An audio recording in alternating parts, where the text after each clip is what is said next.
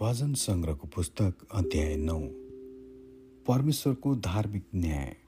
सङ्गीत निर्देशकको निम्ति पुत्रको मृत्युको राग अनुसार दाउदको भजन।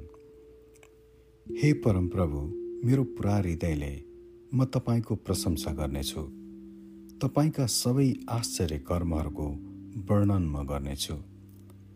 म तपाईँमा रमाउनेछु र उल्लसित हुनेछु। हे सर्वोच्च परमेश्वर तपाईँको नाउँमा म स्तुति गाउनेछु। मेरा शत्रुहरू पिठ्यौँ फर्काएर भाग्छन्। तिनीहरू तपाईँको सामुन्ने ठक्कर खाएर नष्ट हुन्छन्। किनभने तपाईँले मेरो अधिकार र मामिलाको रक्षा गरिदिनु भएको छ। सिंहासनमा विराजमान भई तपाईँले निष्पक्ष न्याय गर्नुभएको छ।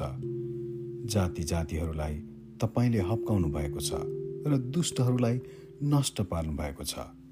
तपाईँले तिनीहरूको नाउँ सधैँको निम्ति मेटिदिनु भएको छ। शत्रुहरूमाथि अनन्त विनाश छाएको छ।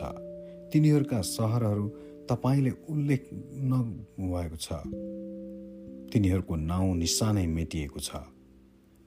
परमप्रभुले सदाकालको निम्ति राज्य गर्नुहुन्छ। उहाँले न्यायको निम्ति आफ्नो सिंहासन तयार पार्नु भएको छ। र उहाँले धार्मिकतासित संसारको न्याय गर्नुहुन्छ। उहाँले निष्पक्षतासित मानिसहरूमाथि शासन गर्नुहुन्छ। थिचोमिचोमा परेकाहरूका निम्ति परमप्रभु किल्ला हुनुहुन्छ। कष्टको समयमा एउटा शरण स्थान। तपाईँको नाउँ जान्नेहरू जतिले आफ्नो भरोसा तपाईँमा राख्दछन्। किनकि हे परमप्रभु तपाईँको खोजी गर्नेहरूलाई तपाईँले त्याग्नु भएको छैन।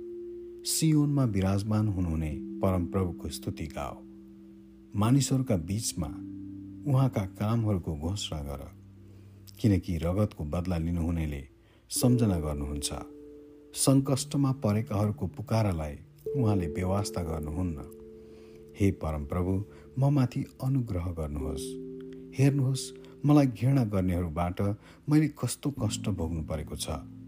तपाईँले नै मलाई मृत्युको मुखबाट छुटाउनुहोस् र सियोनकी छोरीका ढोकाहरूमा म तपाईँका सबै प्रशंसाको घोषणा गर्न सकुँ र त्यहाँ तपाईँले गर्नुभएको उद्धारमा म रमाउन सकुँ।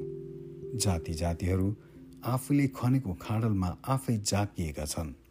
तिनीहरूले लुकाएर फैलाएको जालमा तिनीहरू आफै परेका छन्। परमप्रभु त उहाँकै न्यायद्वारा चिनिनुहुन्छ।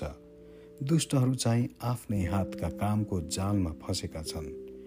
हिगायोन सेला। दुष्टहरू चाहिँ पातालमै फर्केर जानेछन्।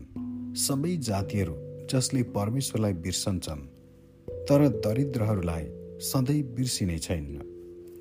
पीडितहरूको आशा कहिल्यै चकनाचुर हुने छैन। हे परमप्रभु उठ्नुहोस्। मानिस विजयी हुन् न नपाओस्।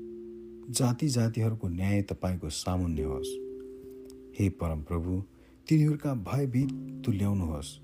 तिनीहरू त मानिस मात्र हुन् भनी जातिहरूले थाहा पाउन्। सेला आमेन।